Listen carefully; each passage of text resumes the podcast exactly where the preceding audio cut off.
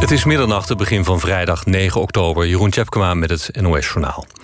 Het kabinet moet zich meer richten op dan alleen het coronavirus afremmen en de directe economische schade beperken. Dat zeggen de directeuren van de drie grote planbureaus in NRC. Het Centraal Planbureau, het Planbureau voor de Leefomgeving en het Sociaal en Cultureel Planbureau traden niet eerder samen naar buiten. Ze zeggen dat de tientallen miljarden die het kabinet uitgeeft ook moeten worden gebruikt om al langer bestaande problemen op te lossen, zoals de groeiende sociale kloof in Nederland en de klimaatverandering. De politie heeft 80 mensen opgepakt die bij de Tweede Kamer betoogden. Daar werd de afgelopen dagen over de coronawet gesproken. De politie had de betogers al verschillende keren opgedragen om weg te gaan. Afgelopen, gisteren werden er al 15 mensen opgepakt.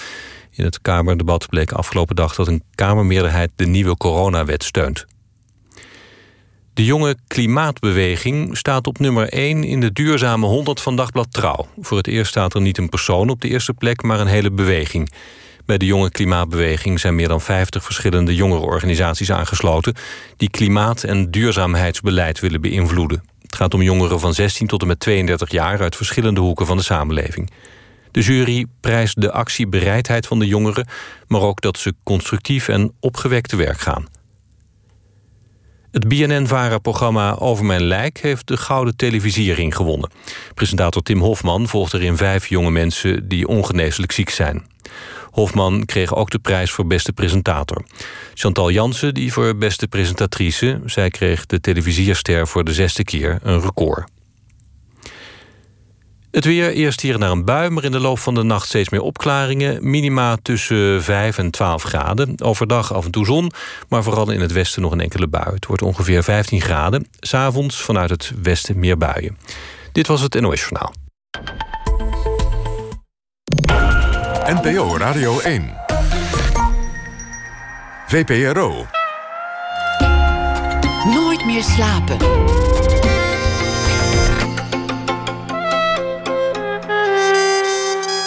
Met Atze de Vriezen. Goedenacht en welkom bij Nooit meer slapen. Ik weet niet uh, hoe het met u zit, beste luisteraar, maar ik had er vandaag goed het zuur in. Er hangt uh, ons weer een lockdown boven het hoofd en dan dreigt het kabinet onze koopavond af te pakken. Ja, ja, denk ik dan. Het zal er uiteindelijk wel weer op uitdraaien dat de theaters dicht moeten en dat we geen muziek kunnen horen. En om het allemaal nog erger maken, regende de hele week. En als ik dan hier aankom op het Mediapark koud en leeg, dan is daar een soort drive-in bioscoop bezig waar een cowboyfilm draait. En zo glijden we richting een soort collectief chagrijn. Maar één ding hield mij op de been. En dat is de gedachte dat vanavond Sherma Rouse mijn gast is. En, precies. En ze komt mij waarschijnlijk vertellen dat het glas half vol is. 100%. Zo is dat, want zo kennen we haar, de soul- en gospelzangeres. Geboren in 1980 op Sint Eustatius. In 1999 naar Nederland gekomen voor een opleiding scheikunde. Maar van dat pad afgeweken om zangeres te worden. En als je haar op het podium ziet, dan uh, ja, is eigenlijk logisch dat ze die, die uh, stap nam. Ze deed het conservatorium in Rotterdam, werd backing vocalist voor onder andere Anouk en Ellen Clark. Brak door dankzij The Voice of Holland en is inmiddels al een paar solo-albums verder.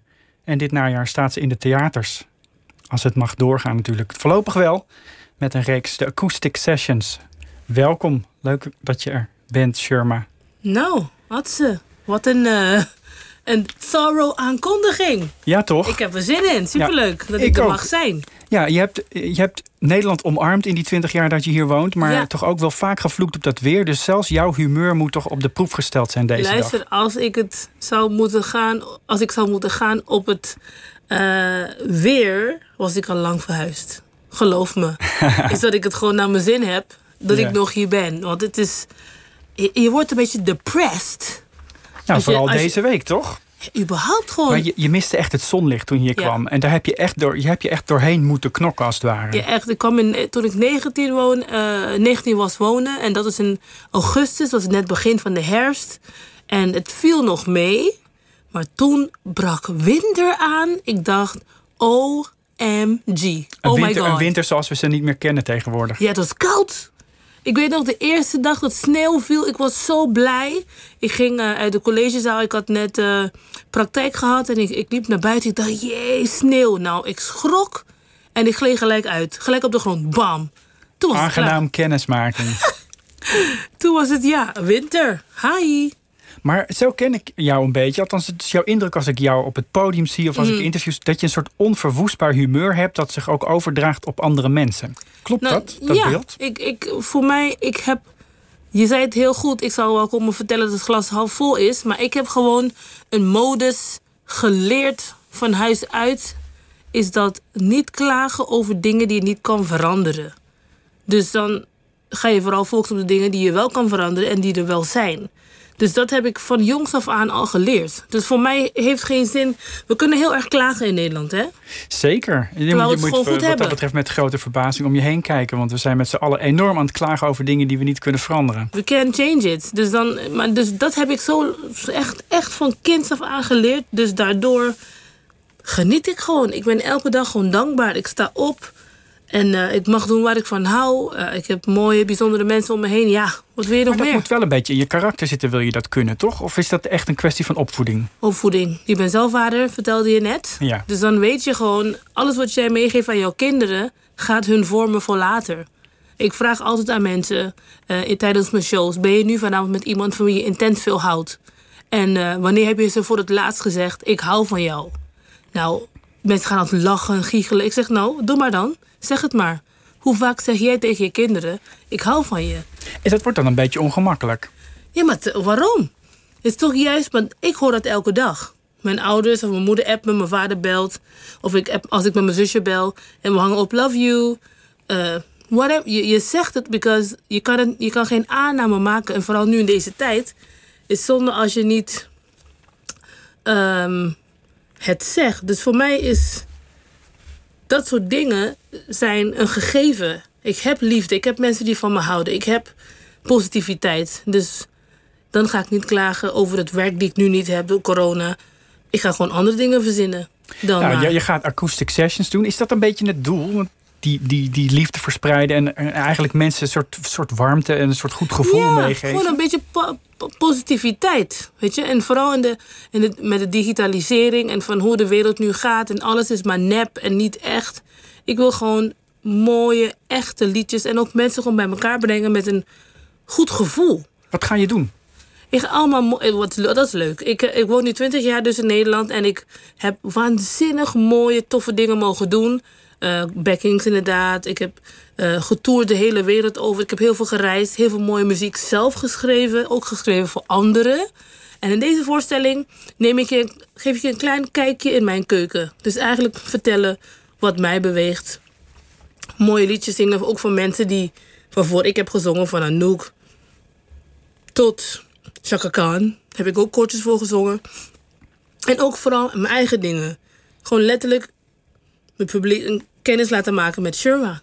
Je, je kennis laten maken. Dat vind ik zo'n grappige formulering. Die kwam ik ook al ergens in een, in een aankondiging tegen. Toen dacht Ja. ik, ja, kennis maken. We kennen je natuurlijk eigenlijk al, al Nee, jaren. Nee. Welk deel van jezelf heb je eigenlijk niet genoeg laten zien in die... Nou, ik denk dat heel veel mensen weten niet dat ik veel eigen muziek schrijf, bijvoorbeeld. Ja, Want je kennen je kent van de Aretha Franklin van projecten. Aretha Franklin, van of bij de, te gast bij de Wereldrijd Door aan tafel zitten. Of sommige mensen bijvoorbeeld, die komen mij tegen die zeggen... ja, ik vond het zo leuk als ik je aan tafel zie. Dan denk ik, maar wacht even, ik zing ook, hè? Maar het is gewoon letterlijk... ehm, of The Voice. Ik heb The Voice gedaan natuurlijk. Maria en The Passion. Dus elke keer hebben ze een associatie. Dus dan word je eigenlijk een soort repertoirezangeres. Snap je? Terwijl ik heel veel heb geschreven. Ik, ben, ik tour buiten de grenzen in andere landen met mijn eigen muziek. Alleen in Nederland, omdat het, ja, het is ook de dat? genre. Waar, waar zit hem dat in? De genre. Het soul. En in Nederland is Mensen dat- willen, qua soul willen ze gewoon de klassiekers horen. Nee, nee, nee. Er, er is geen markt voor. Als je de radio opzet, hoor jij soul op de radio? Nee. Punt. Maar waar kun je met je eigen materiaal wel terecht? Ja, Japan toer ik al jaren, Indonesië, Frankrijk. En ik bedoel, ik, ik, het is heel gek, hè, maar bijvoorbeeld in een land als Frankrijk... er moet 70% van de muziek moet lokaal zijn. In Nederland, alles is geïmporteerd. Of je hebt echt 100% NL, dat is Nederlandstalig, de meeste dingen. Of Phonics, dat is echt ook geïmporteerd. Of Nederlandstalige lokale dingen. Dan hip-hop en ook, ook mooie dingen. Ik luister ik ook heel graag. Maar ehm, wat ik maak. Ja, het wordt hier gewoon niet gezien als een genre die die wordt gedraaid. De, de, de, de progra- programmamakers hier, de, de selecties, de lijstmakers... Maar Ja- Ja-. Japan bijvoorbeeld klinkt heel exotisch. En dat is het natuurlijk ook. Ja. Tegelijkertijd is het ook eh, een, een bekend gegeven dat Japanners dol zijn op alles wat aan soul en Ja, jazz uit, 100%. vanuit Europa, eh, waarschijnlijk ook uit Amerika, maar ook 100 procent. iedereen die in Nederland soul of jazz Ja. maakt, gaat daarheen. Ja, Wouter Hamel, Kenny Dover, eh, Benny Sings, Jovanka. Betekent dat dan dat er een soort parcours ligt waar je zo hop naartoe kan, omdat het gewoon werkt? Zeker, zeker. Het is, het is ook, mensen hebben daar ook gewoon waardering voor de muziek. Dus bijvoorbeeld, in, je kan in Japan zitten en een concert geven en je hoort niemand een woord zeggen. In Nederland gaan we in Paradiso spelen, of in een Ziggo Dome, of een Gelderdoom. Als je muziek niet hard genoeg staat, dan hoor je iedereen eh, doorheen eh kwebbelen. Ik kan gewoon in, daar kan je gewoon een ballad zingen en gewoon zit met 600 man in de zaal en muisstil zijn. In Nederland, dan vind ik het zo leuk in theater. Want in Nederland in theater is dat wel een gegeven. Mensen komen om te luisteren. En dat maakt het zo gaaf. Om nu, vooral in deze tijd, dat het nog kan. Hè? Lekker theater in. Ik kan me voorstellen dat als je een zaal hebt met heel weinig mensen, wat nu noodgedwongen moet, Ja, dat mensen stiller zijn dan wanneer ze in een grote zaal anoniem zijn. True. Maar nu mogen ze ook veel minder. Je mag niet van je plaats af. Ik heb laatst in het concertgebouw gestaan. eh, vorige maand, twee maanden geleden. Vorige maand. En het was twee keer 350 man. En het was een muis stil. Maar ook niet meezingen. Dat mag niet natuurlijk. Maar wel klappen af en toe. En mooi applaus krijgen. Maar mensen zijn vooral aan het luisteren. En dat is wel bijzonder aan deze tijd. Maar je hebt dus eigenlijk die twee kanten aan wat je doet. Mhm. Je eigen repertoire en het repertoire van de grootheden. Mhm. En daar is natuurlijk wel iets, iets aparts mee aan de hand, voor mijn gevoel. Die generatie, de gouden generatie van de jaren 60 en jaren 70, is eigenlijk een beetje op aan het raken. Mhm. Absoluut. Eén voor één zijn ze eh, verdwenen. Ja, ze gaan, je, ja. je grote heldin Aretha Franklin overleden Ja, een paar twee jaar, geleden, paar- twee jaar geleden. Mhm. Begin dit jaar, eigenlijk toen we al midden in een lockdown zaten, ging Bill. Withers. Ja, een hoop, ja. Die was overigens natuurlijk al heel lang uit beeld, trad Ja. niet meer op. ja. Maar de- we zitten wat dat betreft wel op een interessante moment in de popgeschiedenis voor mijn gevoel. Ja, een omdat keerpunt, die muziek sterft als het ware uit. Ja. Die kan eigenlijk alleen maar levend gehouden worden door eh, mensen van een nieuwe generatie, Ja. zoals jij. Zeker. Hoe, hoe kijk jij daarnaar? Naar dat levend houden van het repertoire? Nou, voor mij is het. Als je, als je mijn Arita tributes hebt gezien, dan, dan weet je dat ik het niet. Ik doe niet na. Ik ben wel echt de muziek aan het eren. Dus ik pak haar repertoire en ik Je interpreteer maakt het het. je eigen. Ja, want dat is wat zij ook deed. Ze had weinig eigen repertoire. Snap je? Weinig. Tot misschien vijf of zes liedjes. Zelfs haar grootste hits waren eigenlijk van Ja, anderen. Respect, Otis Redding. ehm, Natural Woman was van Carole King, wel voor haar in opdracht geschreven.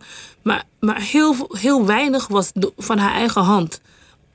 Bridge over Troubled Water, Simon en Garfunkel, zij maakten het een hit. En de lijst, het gaat maar door. Gaat maar door. En dat- vind ik zo bijzonder, want wij, wij zijn allemaal heel erg huiverig voor, voor tributes en covers. Maar ik vind dat je het, het, het is eren. En dan mag het als je het maar eigen maakt. En dat heb ik gedaan, maar uiteindelijk heb ik ook een eigen verhaal. Maar het, het risico als je dus die, die- dat, die eerbetonen aan die grote songs doet die mensen kennen, is dat dus kennelijk, Mhm. ook voor jouw eigen gevoel, je eigen repertoire ondersneeuwt. Omdat mensen dus op een gegeven moment ook afkomen op Ja. die bekende songs. ja, en het is niet erg, want ik doe ze ook met heel veel plezier. Maar ik vind wel dat het tijd is dat mensen ook kennis, leren ma- eh, kennis maken met hetgene wat mij beweegt. Want ik heb ook een verhaal. Ik kies liedjes die heel erg bij mij aansluiten. Maar als ik dingen schrijf, zijn ze nog meer. Omdat het mijn eigen verhalen zijn. En eh, dat vind ik toch het mooist. Laten we luisteren en daarna verder praten. Eh, Soul Serenade gaan we horen. Een nummer Ja. van je plaat uit 2017 Ja, en het is met leuk. dezelfde titel. Ja, en dat is leuk, want dit is een liedje waar ik vertel ehm, wat de liefde voor mij is. Laten we luisteren. Ja.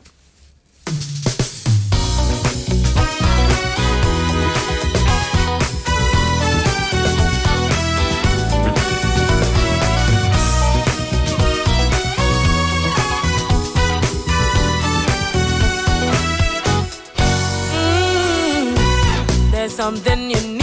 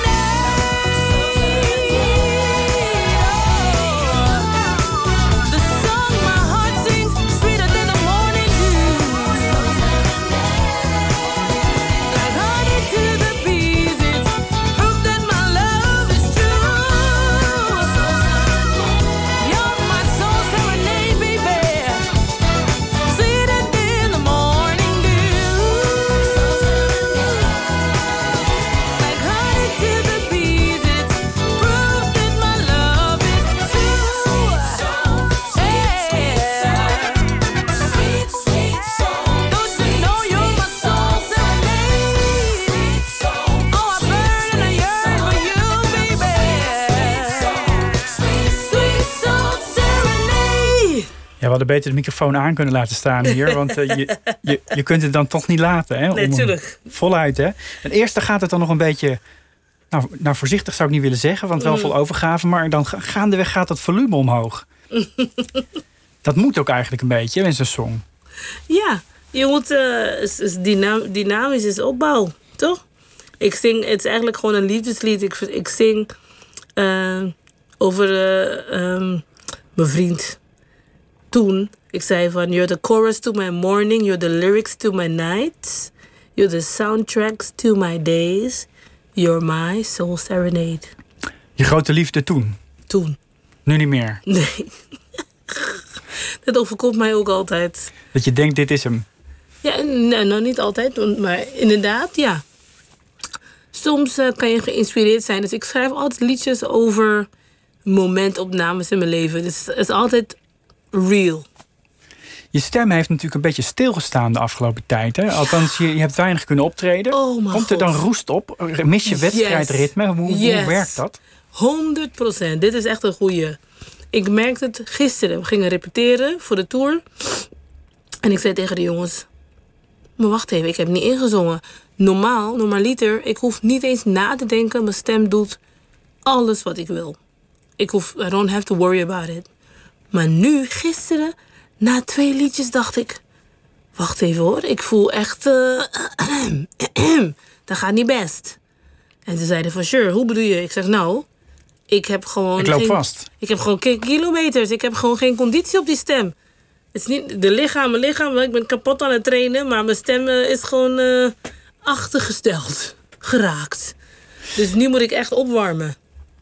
Wat was het eigenlijk de bedoeling dat het voor jaar zou worden? Oh man, dit was een goed jaar, gek. Dit zou echt zo tof zijn. Ik zou weer naar Londen gaan voor concerten. Ik had vorig jaar, want ik doe Arita Tributes niet meer in Nederland.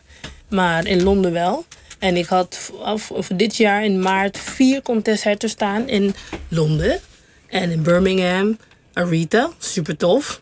Ehm, Japan, ik zou weer gaan toeren. Twee weken. In, eh, ik zou naar... eh, ik had zoveel toffe dingen. En daar gaat dan allemaal een streep door. Alles. Ja. Gewoon in één keer. Bam. Klaar.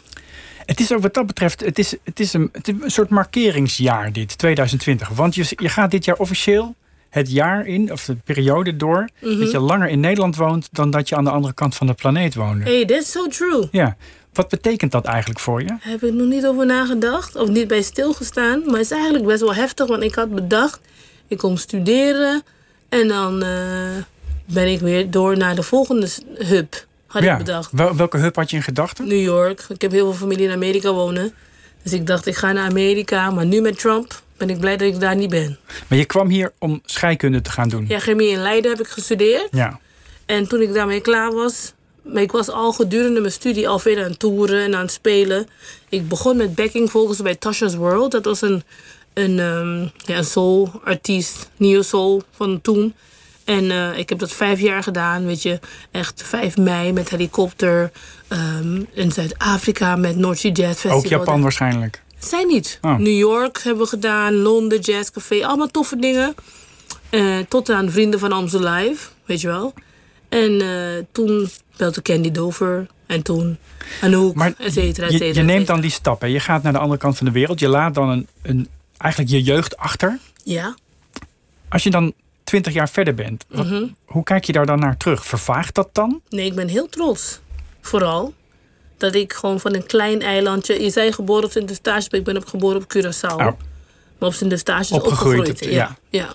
En eh, ik, een eiland van 4000 inwoners, 21 vierkante kilometer. Daar kom ik vandaan. Je kunt geen kant op. Nee. En nou, kijk waar ik ben. Ja. Een meisje die in de wereld staat en eh, die mag reizen. Ik was voor het eerst weer na 20 jaar met kerst thuis op de Antillen op Sint-Eustatius. En het was zo bijzonder hoe het toen pas belandde het voor mij het gevoel van... hé, maar wacht even, ik ben goed bezig. Ik, weet je, alle mensen waarmee ik ben opgegroeid of ouders van vrienden... die zeggen van nou, we zijn zo trots op je. Wat goed gedaan en we volgen je. Het, het raakte zo, en ik dacht, wauw, ik had het niet in de gaten... maar iedereen was me nog aan het volgen van thuis. Andersom is het natuurlijk gek. Want je komt hier aan en Nederlanders weten helemaal niks van Sint-Eustatius. Ze weten niet eens dat het bestaat vaak. Ja, Toch? Dat lijkt me heel raar. Het een paar jaar hele- geleden natuurlijk wel, omdat het in het nieuws kwam wegens Ja, die ja 10, 10, heftige 10. storm. Oh ja, ook. Maria. De, ja, de orkaan bedoel Heette je? die Maria, die orkaan? Ja, volgens mij toch, ja. Ja. Mhm. En dan ineens eh, is het in het nieuws en zit jij Ja. hier. Hoe heb jij dat dan gevolgd? Nou, op, echt in detail. Want ik heb natuurlijk op Sint-Eustatius heel veel familie wonen. En gedurende de orkaan heeft mijn vader op Sint Maarten vastgezeten... met mijn oom in een hotelkamer. En we konden hun een paar dagen niet bereiken. Dus zo, ik zat er echt middenin. Het was super, super heftig. En echt eh, zorg... Ja, ik heb me echt zorgen gemaakt. Want mijn moeder zit op... Mijn ouders wonen inmiddels op Curaçao. En mijn vader was even voor een zakenreis. Was hij op Sint Maarten. Nou, mijn moeder in paniek. En ik was ver weg. Het, is gewoon, het was verschrikkelijk. Hoe is het om die connecties te hebben met, die, met dat, dat verre eiland? Want het is natuurlijk gewoon fysiek ver. Ja, maar het, blijft, het is wel waar ik vandaan kom. Waar, Ja. waar, waar ben jij eh, geboren? Ik ben in eh, Groningen geboren. En ook opgegroeid of niet? Nee. Ja, dus dan kan, je Nee. dat, dan kan je dat... Misschien is het geen goede vergelijking, maar voor mij is het net alsof ik... Mijn in- appel is niet ver van de boom gevallen. Jou wel. Nee, maar voor, voor mij voelt het... Ik ga zo vaak terug. Dus voor mij voelt het niet alsof ik ver weg van ben. En ook waar mijn ouders zijn, is voor mij thuis. Snap je? Die wonen nu op Curaçao, dus daar is thuis. Maar uiteindelijk, wherever I am... Ik maak het zo comfortabel mogelijk voor mezelf. Dus nu is Rotterdam Knor, Rotterdam, is nu gewoon thuis. Ook lekker. Is dat een stad die bij je past? Ja, 100 procent. Het is divers, het is sociaal, het is gezellig, het is gevarieerd. Ik hou ervan. Wat neem je mee vanuit je cultuur waar je vandaan komt naar hier? Wat, is, wat koester je het meest? De, onze ja, vrijgevigheid, openheid, de, de warmte.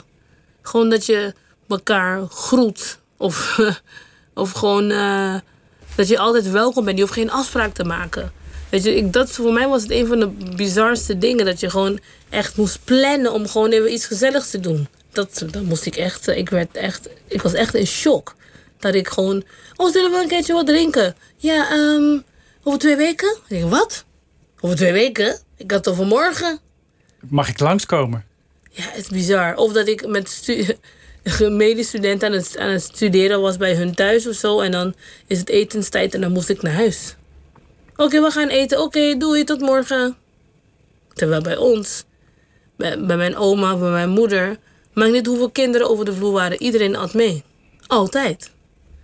Dus het was, eh, het was echt cult- culture shock eh, van je wilste. Wat zo grappig is, eh, kijk, wij, wij hebben dus eigenlijk in Nederland weinig etenscultuur eigenlijk. Terwijl ik was, vorige week was hier, mijn gast was Ryan Pandey. comedian. eh, van ook een Antilliaanse jongen. Mhm. En die zei ook van ja, cultuur wordt gedefinieerd door eigenlijk drie dingen: muziek, Ja. taal en het eten. Ja, dat zijn eigenlijk de 100%. drie dingen die Ja, zeker. in, binnen die driehoek gebeurt het allemaal. Mhm. Mhm. Het, het lijkt wel alsof wij in Nederland die, die, die, die hoek van het eten eigenlijk helemaal niet, Nee, omdat... niet kennen. Nee, ik denk Ons favoriete eten komt hier niet vandaan. Nee, maar omdat in Nederland, je hebt, jullie hebben echt wel wat culturele eh, rijkdommen aan eten. Want ik ken nergens anders een stampot eten zoals in Nederland met een lekkere worst. Maar daar zijn we niet trots op, toch? Nou, ik denk dat je wel mensen, bepaalde mensen heel blij kunnen maken met een lekkere stampotje. Een stampot vind ik super. Als die goed wordt klaargemaakt. Maar het, is, het gaat erom dat je... Je cultuur is niet gebouwd op dat stukje. Want eten is ook gezelligheid. En mensen in Nederland die zijn vaak aan het rennen. Je komt naar huis, je eet, je maakt snel eten 30 minuten en dan ben je gewoon, iedereen doet weer zijn ding. Maar bij ons, het is echt een, een happening. Je zit uren te tafelen. Het is gewoon gezellig. Lekker kletsen over de dag. We deden altijd als kinderen met mijn ouders altijd 's ochtends samen ontbijten. Zaterdagochtend uit uitgebreid. Het is altijd samen aan tafel. Sociale component. De, bin- de binding. Ja. Ja, heel erg, ja. Zeker. Wat betekent het dan voor jou en ook voor, je, voor die sociale factor... Mhm. dat je nu je, je, je eigen eetpatroon totaal bent gaan omgooien? Want je bent echt een radicaal Ja. gaan afvallen de afgelopen Zeker. anderhalf jaar. Zeker. Dat is iets fysieks. maar Absoluut. tegelijkertijd Maar het is vooral iets voor mentaal. cultuur. Maar het ook iets vooral mentaal. Ja. Want ehm, eten voor de gezelligheid kan nog steeds altijd. Het gaat om balans. Dus ik moest gewoon balans. eh, dus dezelfde smaken van mijn cultuur heb ik vertaald naar gewoon simpele dingen. Dus nu als ik eh aubergine frietjes maak, denk je, wow, yo, de boom. Of als ik een soepie maak van courgette, denk je van, shit, sure. Dan moest je dat uitvinden dat dat eigenlijk gewoon kan. Ja, ja. Want je, hebt, je bent gewoon gewend op een bepaalde manier van eten. Maar ook, het is ook niet alleen de cultuur eten, maar het is ook ritme. Want we hebben ook lekkere dingen, gezonde dingen in onze cultuur. Maar het gaat om de ritme. Dus hoe laat je eet, wat je eet. 's ochtends opstaan en eten, ontbijten. En ook vooral ja, geen koolhydraten. En dat is echt iets in onze cultuur. Brood, rijst, mais. Koolhydraten rammen eigenlijk. Ja, maar in Nederland ook. Dus aardappeltjes zit overal bij. Of een frietje. Alleen, dat moest allemaal eruit. Was het nodig voor jou om het radicaal om te gooien? Ja, absoluut. Ik vind gewoon dat je. ehm, ik was als mens, weet je, ehm, als mens heb ik altijd aan mezelf gewerkt. In mijn mind, weet je, educatie. Ik heb gestudeerd, ik heb twee bachelors, een minor in educatie. Ik heb gewerkt aan mijn mind. Als vrouw heb ik altijd aan mezelf gewerkt, want ik heb de beste voorbeeld. Mijn moeder is een fantastische vrouw. Dus ik dacht, nou, dan, dan komt er nog de laatste gedeelte, is mijn ik. En die had aandacht nodig. En doordat ik mezelf meer aandacht ben gaan geven, zijn ook kilo's eh eraf gaan vliegen. En het is een sacrifice. Absoluut. In welke zin? Het is hard werken, want je moet alle dingen die je. En vooral in het werk die ik doe. Kijk, de mensen die balans hebben, 9 to 5, dan heb je veel meer structuur. Ik heb geen structuur. Ik zit hier met jou te kletsen, maar ik moet morgen gewoon weer om 10 uur draaien. En dan. eh, En de verleiding is om hier straks nog even ergens iets weg te graaien. Ja, normaal. Omdat je- Normaliter. Ja. Dan, dan eh, is het makkelijk om gewoon iets langs de weg te pakken. Maar nu is het... Ik heb gewoon iets bij me. Een saladetje in een bakkie. Dat ik straks gewoon, eh, voordat ik ga rijden, doe ik dat even eten. En dan, als ik thuis kom, is het gewoon slapen. Wat was het moment dat je dacht, dit moet anders? Het is geleidelijk gekomen. Het is... ehm, het is begonnen eigenlijk met het feit dat ik besefte, ik gaf te veel. Ik ben een gever, hè? En dat gaat altijd ten koste van mijn eigen ik. Dus als jij mij belt en zegt... hey, sure, ik heb je nodig. Elke dinsdag om 6 uur. 's ochtends. Dan ben ik er. Maar als ik voor mezelf iets moet doen... dan laat ik het, wijf ik het weg. En zo is het over een omslag gekomen van... hé, hey, wacht even. Ik moet meer investeren in mijn eigen ik. Kijk, vroeger, voordat ik naar Nederland kwam... was ik sporter. Ik was volleyballer. Op best hoog niveau. Dus sporten, en daarom val ik ook af, denk ik... omdat ik dat sporten heb opgepakt weer... heb ik ook motivatie om goed te eten. En in combinatie met een, een goed dieet. Ik volg Alizone, een begeleid dieet Wat is dat? is een, een medisch dieet die ik volg. Het, ehm, Je moet elke week naar de kliniek, je wordt begeleid in je hele eetschema en alles. En dan dat in combinatie met sporten, dat is gewoon wat het is. Het is, het is interessant dat je dat zegt. Van eigenlijk besteed ik, besteed ik te weinig aandacht aan mezelf. Ja, Dat is eigenlijk een rode draad in zowel je liedjes, in je muziek, als, in, als ook in je interviews. Het, het interessante is daaraan dat je natuurlijk wel. Je, je bent natuurlijk voor jezelf naar, eerst naar Curaçao gegaan, daarna naar ja. Leiden. mhm. Je hebt die plek op het podium veroverd. Dus in die zin, van buitenaf zou je denken: oh, nou, daar staat een zelfverzekerde vrouw die in Ja. principe haar eigen pad uitstippelt. Ja, ja. Er zit een gek soort iets is een, in. een disbalans. Een ti- een- ja, Maar dat, maar dat is precies. hoe kan dat dan? Want je wekt dus wel de indruk dat je die zelfverzekerdheid maar- en, maar en die voor er. jezelf opkomt. Maar die is er. Maar alleen ik ben ook een goed mens. Te veel. Dus ik heb geen grenzen. Snap je? Dus het gaat niet om. Het is niet iets negatiefs. En het, het is ook iets positiefs die alleen een grens moest krijgen. Snap je wat ik bedoel? Je kan niet alleen maar geven. Er moet ook ruimte bestaan om te ontvangen. Snap je? Mhm. En dat, die balans ben ik op gaan zoeken. Dus letterlijk ehm, meer kies, nog meer kiezen voor Sherma. Het klinkt gek, want aan de buitenkant zie je alleen maar wat er gebeurt. Maar de strijd om te kunnen doen wat ik doe, de investeringen die ik maak, hoeveel ik moet rennen, eh, hoe mensen je teleurstellen of misbruik van je maken of je oplichten, al die dingen zien mensen niet. Ze zien alleen, oh, je doet leuke dingen. Maar er is echt wel bloed, zweet en tranen in gegaan. Alleen, ik laat me niet, eh, wat ik zeg, stress zoveel dingen die ik niet kan veranderen. Dan ga ik het gewoon de volgende keer alleen beter doen.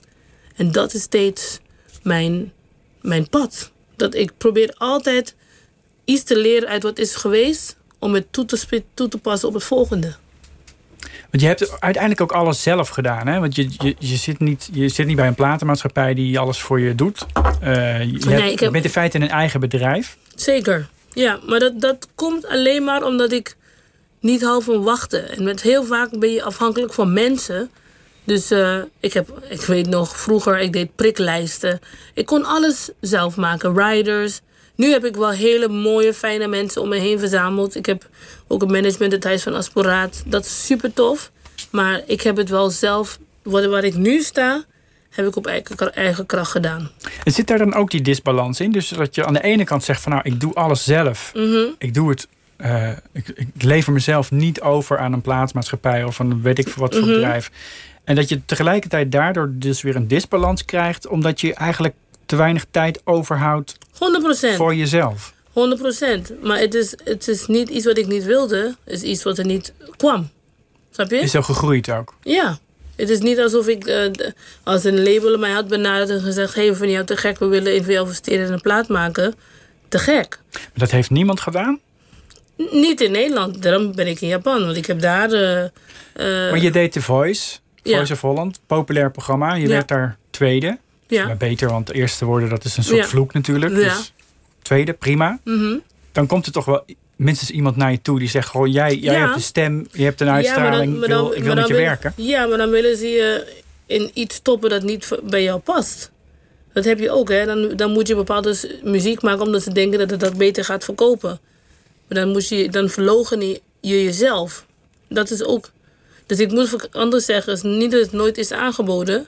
Maar het is altijd met een catch. Altijd met een... Hoe noem je dat? Hoe zeg je dat in het Nederlands? Addertje onder het gras. Ja, en dan is het gewoon jammer. Je, je, je, je haalt eigenlijk de muzikale vrijheid, wil je dan eigenlijk in een, in een hokje stoppen. Plaatsen. Vind ik jammer. Dus dan financier ik altijd alles voor mezelf. Het komt wel, hè. Ik heb geen haast, hè. Ik heb een goed leven, joh. Ik mag doen wat ik leuk vind. Dus, maakt niet waar. Zolang ik maar goed gelukkig ben, dan maakt het niet uit. Is het met jou te kletsen, dat is al te gek, toch? Je hebt ervoor gekozen om dat hele traject wat je inging, dat, dat levensveranderende traject, lifestyle veranderende traject, Mhm. Eigenlijk hetzelfde natuurlijk, want Mhm. dat is hoe je in het leven staat, Mhm. om dat helemaal te delen met mensen. In het begin niet hoor. Maar- Het, het komt eigenlijk door corona dat ik het. Eh, Nee, ik moet het anders zeggen. Een van mijn beste vrienden, die was weer met mij aan het trainen. En ik ging planken. Gewoon letterlijk gewoon planken. Ja. Hij zegt, sure. What the hell? Jij kan planken, gek? Nee, hij ging het filmen. En gedeeld. En dat ging een beetje uit de hand. En toen had ik... Toen dacht je, toen dacht je hey, dit zijn eigenlijk wel leuke reacties. Nee, helemaal niet. Want ik heb mensen niet nodig. Het, is gewoon, Maar wat, wat, het, het komt door hem dat ik het heb gedeeld. En toen kreeg ik een inbox vol met mensen die willen, wilden, wilden weten wat ik doe. Ga je dat delen? Wil je dat alsjeblieft? Want ik, heb, ik was al een jaar bezig. En ik had niks erover gepost of gezegd. Want ik doe het voor mezelf. En dit, ik zei laatst tegen een vriend van mij... dit is nu bijna weer diezelfde druk... van moeten, moeten ehm, delen... terwijl ik het eigenlijk voor mij niet hoeft. Want het is mijn proces. Dus die reacties, I don't care. Want wat anderen vinden... maakt niet mij een beter mens. maar wat, wat heeft het je gebracht, of juist niet gebracht, om dat toch te gaan doen? Wat? Het delen bedoel Ja. je? Nou, ik heb gewoon heel veel mooie, bijzondere verhalen van mensen die in het proces ook zitten. En, en het fijn vinden om te zien dat het lukt zonder een maagverkleining of zonder ehm, ehm, een personal trainer. Want ik train zelf. Ik doe het gewoon zelf. Ik sport zelf. Ik, eh, mensen vinden het gewoon heel fijn om te zien dat het kan. En, ook, en het geeft ook. ehm, ik deel ook wat oefeningen af en toe. Dat ze kunnen zien van nou, dit kan je ook doen. Maak niet dit je maat. Je moet gewoon ergens beginnen. Snap je? Dus het is meer een. Net als zingen eigenlijk. Gewoon positive vibes, goede energie. Dan alleen een ander gedeelte van mezelf. Sharen. Zijn sociale media je vriend? We zaten hier net in het nieuws, vlak voordat we gingen beginnen. Mhm. En dan nog even snel een Insta-post. Ja, toen, Dat omdat even laten zien dat je er bent. Vind, vind je het fijn, die, die, die, die structuur waarin we met z'n allen zitten... en zeker als je artiest bent, dat je gewoon voortdurend jezelf moet laten zien... ook, ook, ook achter de schermen? Niet moet, het mag. Dat Voelt het zo? Ja. Voor mij hoeft het niet, want ik doe heel veel dingen die ik niet post. Ik heb net vandaag een hele toffe opname gedaan voor tv. Ik hoef niet alles te posten. Het heeft, voor mij hoeft het niet. Kies je daar dan bewust voor wat je wel en niet deelt? Als ik het voel, doe ik het. Echt. Mensen, eh, mensen die eh, vragen bijvoorbeeld ook... Sherma, doe je je eigen socials? Ja, ik beantwoord alles en iedereen. Altijd. Want het is persoonlijk.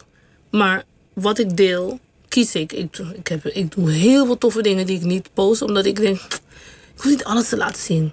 Als ik het leuk vind, denk ik... oh ja, gezellig, ben vannacht. Ik, heb toch, ben toch hierheen gereden. Even delen. Ga maar luisteren als je toch niks aan het doen bent vanavond. Maar je krijgt ook juist door, door dan te delen en het zo openlijk te doen... Mhm. krijg je ook de negatieve kant te pakken. Je kreeg Mhm. het aan de stok met Herman Brusselmans, schrijver... Ja, hij en kreeg het met mij. professioneel, professioneel belediger. Ja. Hij heeft al veel mensen in zijn eh, leven op de tenen getrapt. En dat eh, moest hij bij jou niet doen. Nee, Hij schreef een ehm, ja, het was toch- redelijk lafhartige en eigenlijk ook nog best slecht geschreven column. Ja, het zou, satire, het zou satire moeten zijn. Ja. Ik dacht, nou, ik kan echt wel een grap hebben. Ik, ik kan echt... Het was gewoon niet grappig. Kijk, als het funny was geweest, had ik het ook nog leuk gevonden. Maar het was niet grappig. Want, zoals ik al, mijn eh, repliek erop was ook... Meerdere mensen hebben geprobeerd ehm, mij eh, te dissen op mijn uiterlijk. Want het was niet eens op mijn kwaliteit, het was meer op, op eh, uiterlijk. Dan denk ik, ja, het is niet funny. Dan, als je echt creatief bent, dan doe je iets anders. Snap je wat ik bedoel? En ja, hij kreeg heel Nederland over zich heen. En dat komt alleen maar omdat ik geen negativiteit uitstraal. Ik ben niet bij dat soort dingen bezig. Nou, dat negative energy, dat past gewoon niet bij mij. Het was eigenlijk verrassend hoe makkelijk je bij wijze van spreken uitschakelde. Ja, maar ja, je moet gewoon geen aandacht geven. Maar zitten we wat dat betreft ook op een interessant punt misschien? Dat dat, dat soort, ja, dit soort columns niet meer grappig gevonden worden? Of dat je, dat je daarmee af kunt rekenen? Nee, ik denk dat hij letterlijk de verkeerde persoon heeft gekozen. Want hij heeft allerlei soort mensen heeft hij aangepakt. Ja, dat is het format eigenlijk, hè? Dat hij elke keer Ja. iemand anders beledigt. Nee, maar ja, ik. eh, Nee. Ik dacht, eh, dan heb je het maar even gevoeld. Dat je dat gewoon niet kan doen. Heeft hij, ze, heeft hij je benaderd? Heeft hij excuses aangeboden? Of nee, iets? zeker niet. Het blad heeft me wel benaderd. Maar ik zei eh, gelijk, nou jongens, als jullie me de dag daarna hadden... Eigenlijk, ik zeg, jullie moeten scha- je moet je schamen.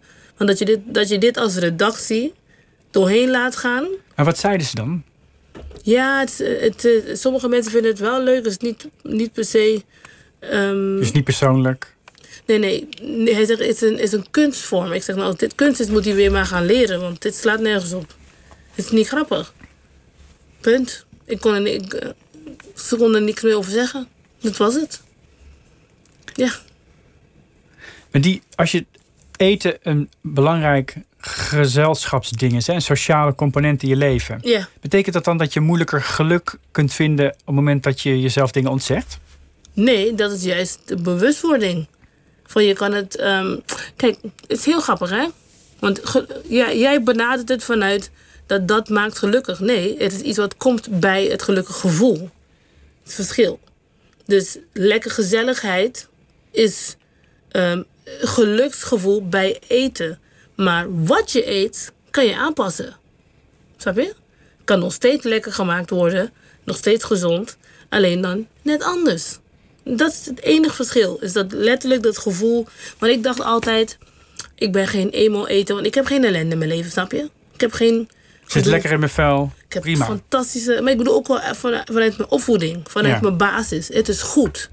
Dus ik heb niet ehm, dat ik mijn ouders me hebben verlaten... en ik ben weggegeven. En al dat ellende wat heel veel mensen mee kampen... wat ook echt verschrikkelijk is. Want ik, ik zie dat omdat ik me heel veel inzet voor kinderen. Dus ik zie dat.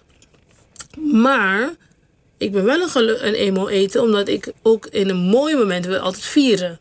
En dat moest ik aanpassen naar nog steeds vieren, maar met ander eten. Top. En nu kan ik nog steeds genieten. Alleen nu iedereen eet wat ik eet, want ik kook altijd. Dus nu moeten ze eten wat ik eet. Ik herken dit meer met drinken eigenlijk. Ik ben niet zo'n eh, grote drinker, maar als er wat te vieren valt, dan moet er toch een, ge- een gezellige fles bij. ja. En er, is best vaak wat te vieren in je leven. Snap dus eigenlijk is het. Eigenlijk, eigenlijk is er te veel te vieren in het leven. Snap je? En ik ben ook, en ik heb ook, ook een anderhalf jaar bijna ook niet gedronken. Terwijl ik hou van champagne. Ik hou van een lekkere bubbel. Ik hou van eh, een mooi wijntje. Ik hou van een whiskietje.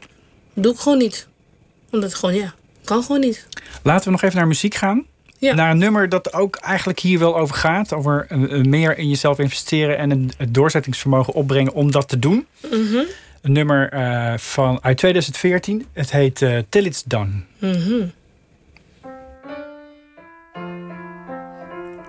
Oh,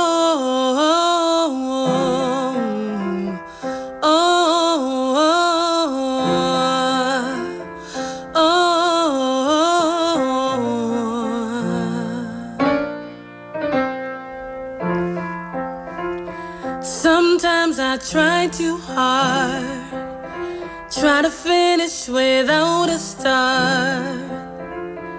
I find it hard to imagine myself with anyone's help. I'd rather stay all alone, try to do everything on my own. It's when I realize I need to take a step back and work on myself. When I close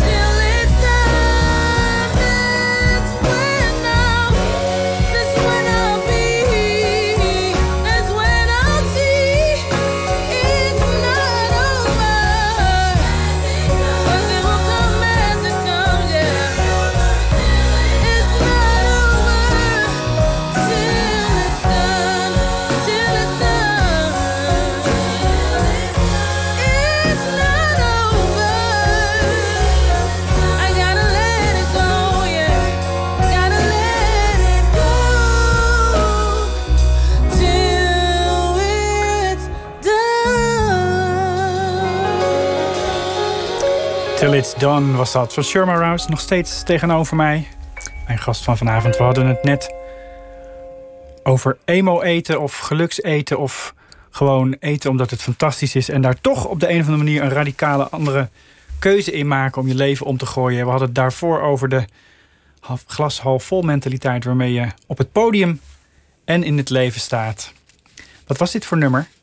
Ja, dit is een eh, liedje die geschreven is voor mij door een van mijn beste vrienden, Ricardo Burgerust. Hij belde mij op. Hij zegt: Sure, ik heb een song voor jou. Nou, toen hij dit naar mij stuurde, ik heb gejankt. Want dit is precies wat het is. Ik ben zo gewend om alles maar alleen te doen. Ik moest leren te ontvangen. En ik dacht, wauw, dat hij dit zo precies wist te schrijven was. Ik had ik lang niet geluisterd ook. Mooi.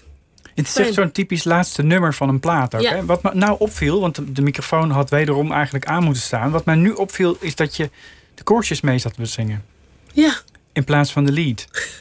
er zit toch nog wel een grote liefde voor die koortjes. Hè? absoluut. Ja, Kun je me uitleggen wat de magie is van een goed koortje in zo'n nummer als dit?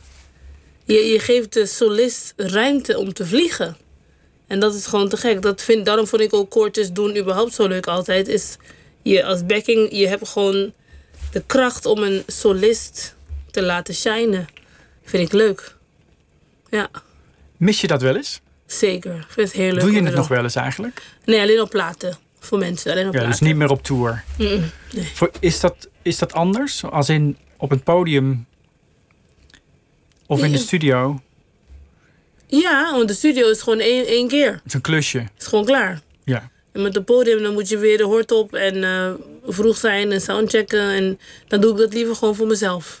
Er is op een gegeven moment natuurlijk zo'n hele mooie film gemaakt, 20 Feet from Stardom, Ja, die, die, een Oscar won. Ja, I love it. En die eh, beroemde, ja, dus eigenlijk niet beroemde, maar de, de, de koortjeszangers uit, Ja, ja, van beroemde artiesten Zeker. in het zonnetje zetten. Mhm.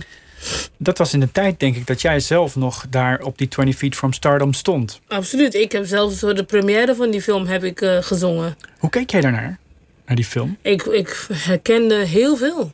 Het was heel bijzonder. En wat ik eigenlijk, het mooi dat je die aankaart. Want wat ik ook leerde van daarnaar kijken is. Je hebt geen tijd te verspillen. Want soms, in één knip ben je 60. Snap je? Je, kan, gewoon, je, je kan niet denken, dat komt nog wel. ja, je moet gewoon doen. Werkte dat voor jou ook zo? Dat je dacht van nou, dit doe ik nu en dat is een opstap naar later? Nee, niet eens. Want het solo zijn was niet per se een, een, een, een... Eigenlijk zingen was helemaal niet een bedoeling. Snap je? Ik zou nu gewoon ergens in een eh, farmaceutisch bedrijf of in een lab of eh, onderzoek doen.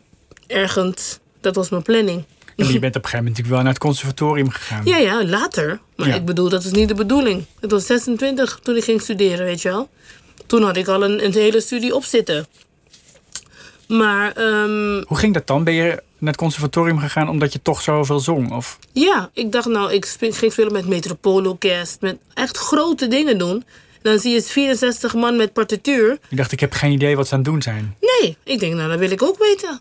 Dus zo ben ik gaan studeren. Ik dacht, dat vind ik tof. Maar wat je zegt is eigenlijk, die film heeft je geleerd, je moet niet wachten. Nee, handelen.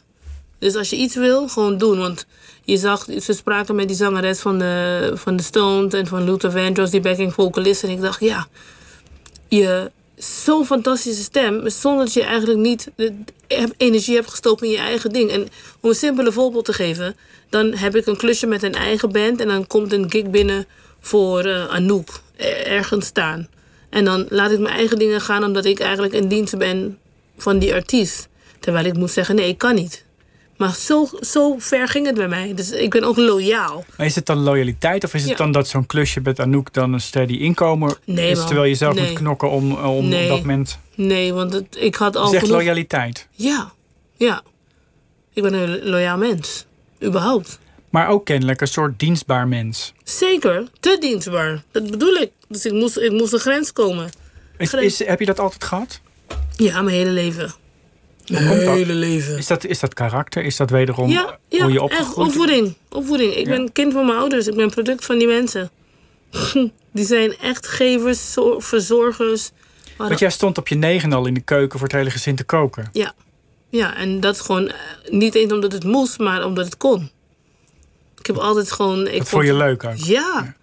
Maar dan, dus, dus je hebt eigenlijk altijd gekampt met die natuurlijke neiging van jezelf om Ja. verantwoordelijkheid te nemen voor Ja, andere mensen. Ik ben de oudste te van vijf kinderen. hè. Ik ben de oudste van vijf. Dus ik ben gewend om een voorbeeld te moeten zijn. Voel, dat is een gevoel die je hebt hè, als eh oudste kind. En nu leer ik gewoon, ja, laat me lekker gaan. Het gaat nu om mij. Het is mijn tijd. Je hebt eigenlijk als het ware, als je terugkijkt naar hoe je het gedaan hebt, die, Mhm. die 20, 30 jaar, 40 jaar inmiddels in je leven natuurlijk, Mhm. Een soort sprongen gemaakt steeds. Absoluut. Naar de andere kant van de wereld, van een, een Mhm. studie naar een hele andere carrière, van, een, van een backing vocal carrière die er niet om loog, naar een poging tot solo carrière en dan lukt dat. Mhm. Wat is de volgende sprong? Welke sprong wil je nog maken? Oh, er gaan nog zoveel leuke dingen komen, joh. Ik heb plannen. Een kookboek heb ik bijna af. Super tof. Eh, ja, nog verder met mijn, met mijn lifestyle change. Dus nog meer investeren in mezelf. Nu muziek gaat komen binnenkort. Dat, daar heb ik ook echt heel veel zin in. Want ik, ik ga ook meer naar mijn eigen... Heel vaak met muziek, je luistert naar andere mensen. Dat, dat gaat gewoon zo. Mensen hebben allemaal een mening. En nu heb ik scheid. I don't care. Ik ga doen wat ik wil doen. Heb je dat moeten Nog meer. leren? Ja, echt. Echt. Ik heb, weet je, vertrouwen op je eigen innerlijke stemmetje. Dat is iets in dit proces. Weet je, je hebt vaak... Ja, ik weet niet of ik dat zou doen hoor. Ja, je hebt van die mensen. En dat is bijna iedereen. Ja, ja, ik weet niet. In plaats van zeggen, ja, te gek. Ga ervoor. Tof man. Probeer het gewoon. Want zo ben ik. En ik moest echt beseffen van, ik moet het omturnen naar datzelfde denken ook naar mezelf. Dus ik ga gewoon, misschien kom ik met een rockplaat. Of met een rapplaat. Je weet maar nooit wat er gaat komen. We gaan het zien. Maar heb je mensen om je heen die dat tegen je, wel tegen je zeggen? Ja, nu. Ja, ik, ik- dat is ook het mooie van het proces. Is je gaat ook selectiever zijn met, met wie je omringt. Mijn moeder zegt iets heel bijzonders. Ze zegt, en nu pas snap ik het. Don't surround yourself with chickens because they can't fly. Eagles fly high. Dus omring je niet met kippen, want die kunnen niet vliegen. Adelaars? Zijn het? Is een Ja, volgens mij wel. Eagles? Ja, anyway. Mensen snappen het wel. De Eagles is Eagles. Precies. Die, kunnen, die vliegen high. En da, daar moet je je mee omringen. Mensen die jou gaan inspireren. Mensen die jou gaan upliften. Mensen die ja, greatness caller zijn. Dat heb ik nu verzameld. Heel veel mensen hebben het ook over, als het over dit jaar, als ze nu al terugkijken op dit jaar, Mhm. dat ze dingen zijn gaan doen die al die tijd een beetje zijn blijven liggen.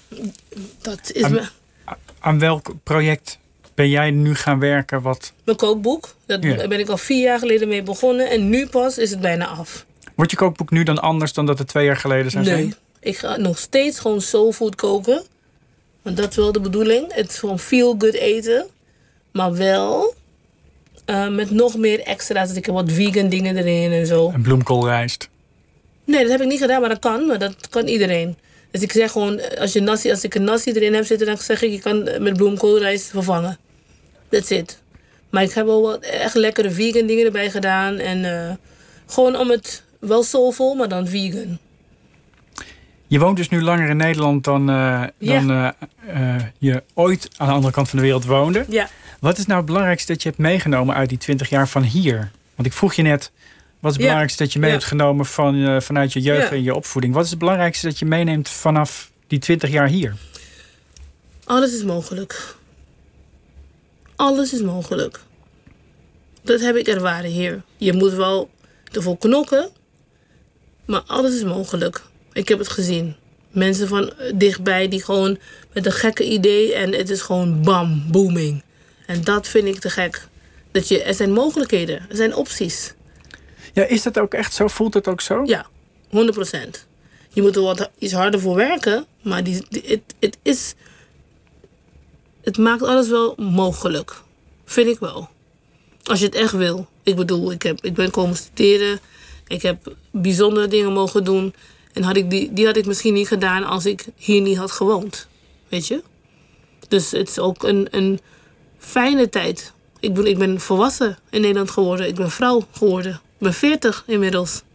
Dus eh, het is te gek om eh, eraan terug te denken. Kun je nog terug naar de scheikunde? Nou, nee. Maar ik geef wel veel bijles aan kinderen van vrienden. Heb ik al jaren gedaan. Scheikunde. rekenen, wiskunde, scheikunde, natuurkunde. Eigenlijk alles kan ik bijles in geven. Want het voelt als een soort tegen... Als een soort disbalans wederom. Hè? Het Nee. voelt alsof dat niet kan. Dat je, een, dat je een gevoelsmens bent en tegelijkertijd een keiharde beta. Maar dat Ik- kan dus. Maar ja, komt, mijn moeder is ook een keiharde en mijn vader ook. Mijn moeder is medisch analist, mijn zusje is analytisch chemicus, mijn broertje is werktuigbouwkundige, mijn andere broertje heeft bouwkunde gedaan. Het zijn allemaal beta's, maar ook muzikant. Mijn vader is ook muzikant. Dus we hebben de connectie met je emotie, maar ook met je brein die gewoon strak op de regels kunnen en, en problemen inzien en oplossen. Ja, het is gewoon toeval. Dat is gewoon mijn opvoeding. Hou je het achter de hand voor als straks die hele podiumbusiness in blijft storten? Nee, dan zou ik misschien les kunnen geven, bijvoorbeeld. Zangles. Ik heb consortiumles gegeven een paar jaar. Dat toch echt liever? Dat Ja. zingen. Ja, ja, ja. En ik doe nog steeds altijd nog bij lesgeven. hè. Echt aan kinderen van vrienden, van kinderen van mijn nagelvrouw... tot kinderen van mijn beste vriend, tot iedereen. Ik, ik doe het. Vind het leuk. Dankjewel Jij bedankt. dat je hier was, Sherma. Rouse. Morgen, nee, overmorgen begint de tour in Valkenswaard. Valkenswaard, Toch? Meteen ja. twee keer, hè? want dat Ja. gaat zo tegenwoordig. Ja, dus je doet twee zittingen. Twee op ja. één avond. Eh, ga je door het land. Doe het heel leuk. Geweldig dat je er was. Dankjewel. Thanks. En morgen dan zit op deze stoel Lotje IJzermans. En tegenover haar zit eh, schrijver Dorien Hermans. En voor nu een hele goede nacht.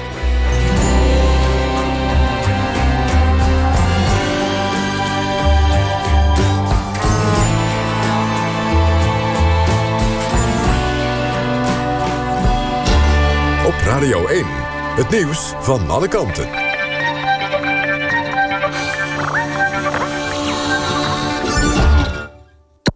NPO Radio 1. Het is 1 uur, dit is Jeroen Tjepkema met het NOS Journaal. Het Limburgse Zuiderland ziekenhuis in Geleen en Heerlijk... kampt met een corona-uitbraak onder het personeel op de operatiekamers. De meeste besmettingen zijn op de locatie in Geleen. Twintig medewerkers van de operatiekamers zijn positief getest... onder wie drie chirurgen. Een van hen is opgenomen op de intensive care van zijn eigen ziekenhuis. De bestuursvoorzitter zegt tegen 1 Limburg dat er geen aanwijzingen zijn dat het personeel patiënten heeft aangestoken. Ook kan alle spoedzorg gewoon doorgaan. Vanwege de besmettingen zijn twee van de 19 operatiekamers van het ziekenhuis gesloten. Het kabinet moet zich op meer richten dan alleen het coronavirus afremmen en de directe economische schade beperken. Dat zeggen de directeuren van de drie grote planbureaus in de NRC. Het Centraal Planbureau, het Planbureau voor de Leefomgeving en het Sociaal en Cultureel Planbureau traden niet eerder samen naar buiten. Ze zeggen dat de tientallen miljarden die het kabinet uitgeeft ook moeten worden gebruikt om al langer bestaande problemen op te lossen, zoals de groeiende sociale kloof in Nederland en de klimaatverandering. Een politieman van de eenheid Noord-Holland zit vast op verdenking van onder meer ambtelijke corruptie en computervredebreuk. Het gaat om een man van 60 uit Heilo. Zijn woning is doorzocht. De politie zou contact hebben gehad met een. De politieman zou een contact hebben gehad met een crimineel uit Beverwijk en ook die is gearresteerd. Het BNN-varenprogramma Over Mijn Lijk heeft de Gouden Televisiering gewonnen. Presentator Tim Hofman volgt erin vijf jonge mensen die ongeneeslijk ziek zijn. Hofman kreeg ook de prijs voor beste presentator. Chantal Jansen die voor beste presentatrice. Ze kreeg de televisierster voor de zesde keer, een record. Het weer, eerst hier en daar een bui, maar in de loop van de nacht steeds meer opklaringen. Minima tussen 5 en 12 graden. Overdag af en toe zon, maar vooral in het westen nog een enkele bui. Het wordt ongeveer 15 graden. S'avonds vanuit het westen meer buien. Het weekend verloopt wisselvallig. Zaterdag mogelijk met hagel en onweer. En dan wordt het hooguit 13 graden. Dit was het NOS Journaal.